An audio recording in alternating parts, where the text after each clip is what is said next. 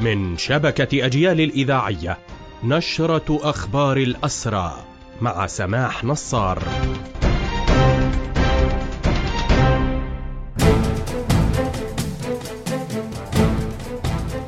أهلا ومرحبا بكم. إلى هذا اللقاء نشرت هيئة الأسرى تفاصيل الوضع الصحي لعدد من الأسرى القابعين في سجن النقب بعد زيارة المحامي فادي عبيدات.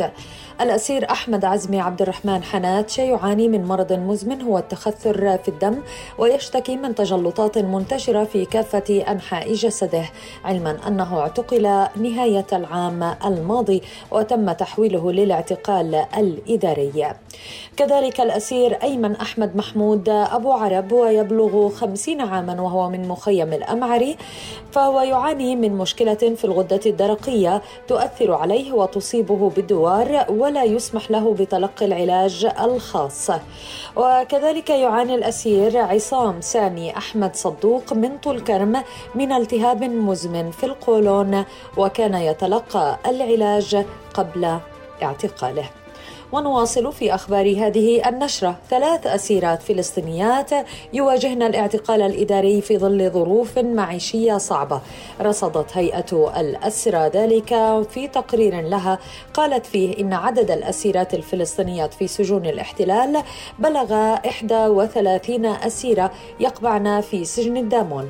بينهن أمهات وزوجات ومريضات وفتيات قاصرات. بينت الهيئة أن ثلاث أسيرات يخضعن للاعتقال الإداري وهن سماح حجاوي من قلقيلية ورغد الفن من طول كرم وروض العجمي واعتقالهم لأربعة أشهر. ونواصل في النشرة تواصل سلطات الاحتلال احتجاز الأسير المقعد منصور موقدة في ظروف صحية مأساوية فهو يقبع بشكل دائم في عيادة سجن الرملة في تقرير لها أوضحت هيئة الأسرة أن موقدة هو أحد الحالات المرضية الخطيرة القابعة في سجون الاحتلال وهو محتجز في سجن الرملة منذ 22 عاما بسبب الإصابات الصعبة التي تعرض لها لدى اعتقاله وأدت إلى إصابته بالشلل.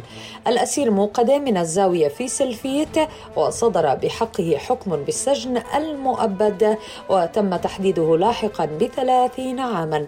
هو أب لأربعة أبناء اعتقل عام 2002 بهذا مستمعينا تنتهي هذه النشرة الخاصة بأخبار الحركة الأسيرة قدمناها لحضراتكم من راديو أجيال. تحية الحرية لأسر الحرية وتحياتي.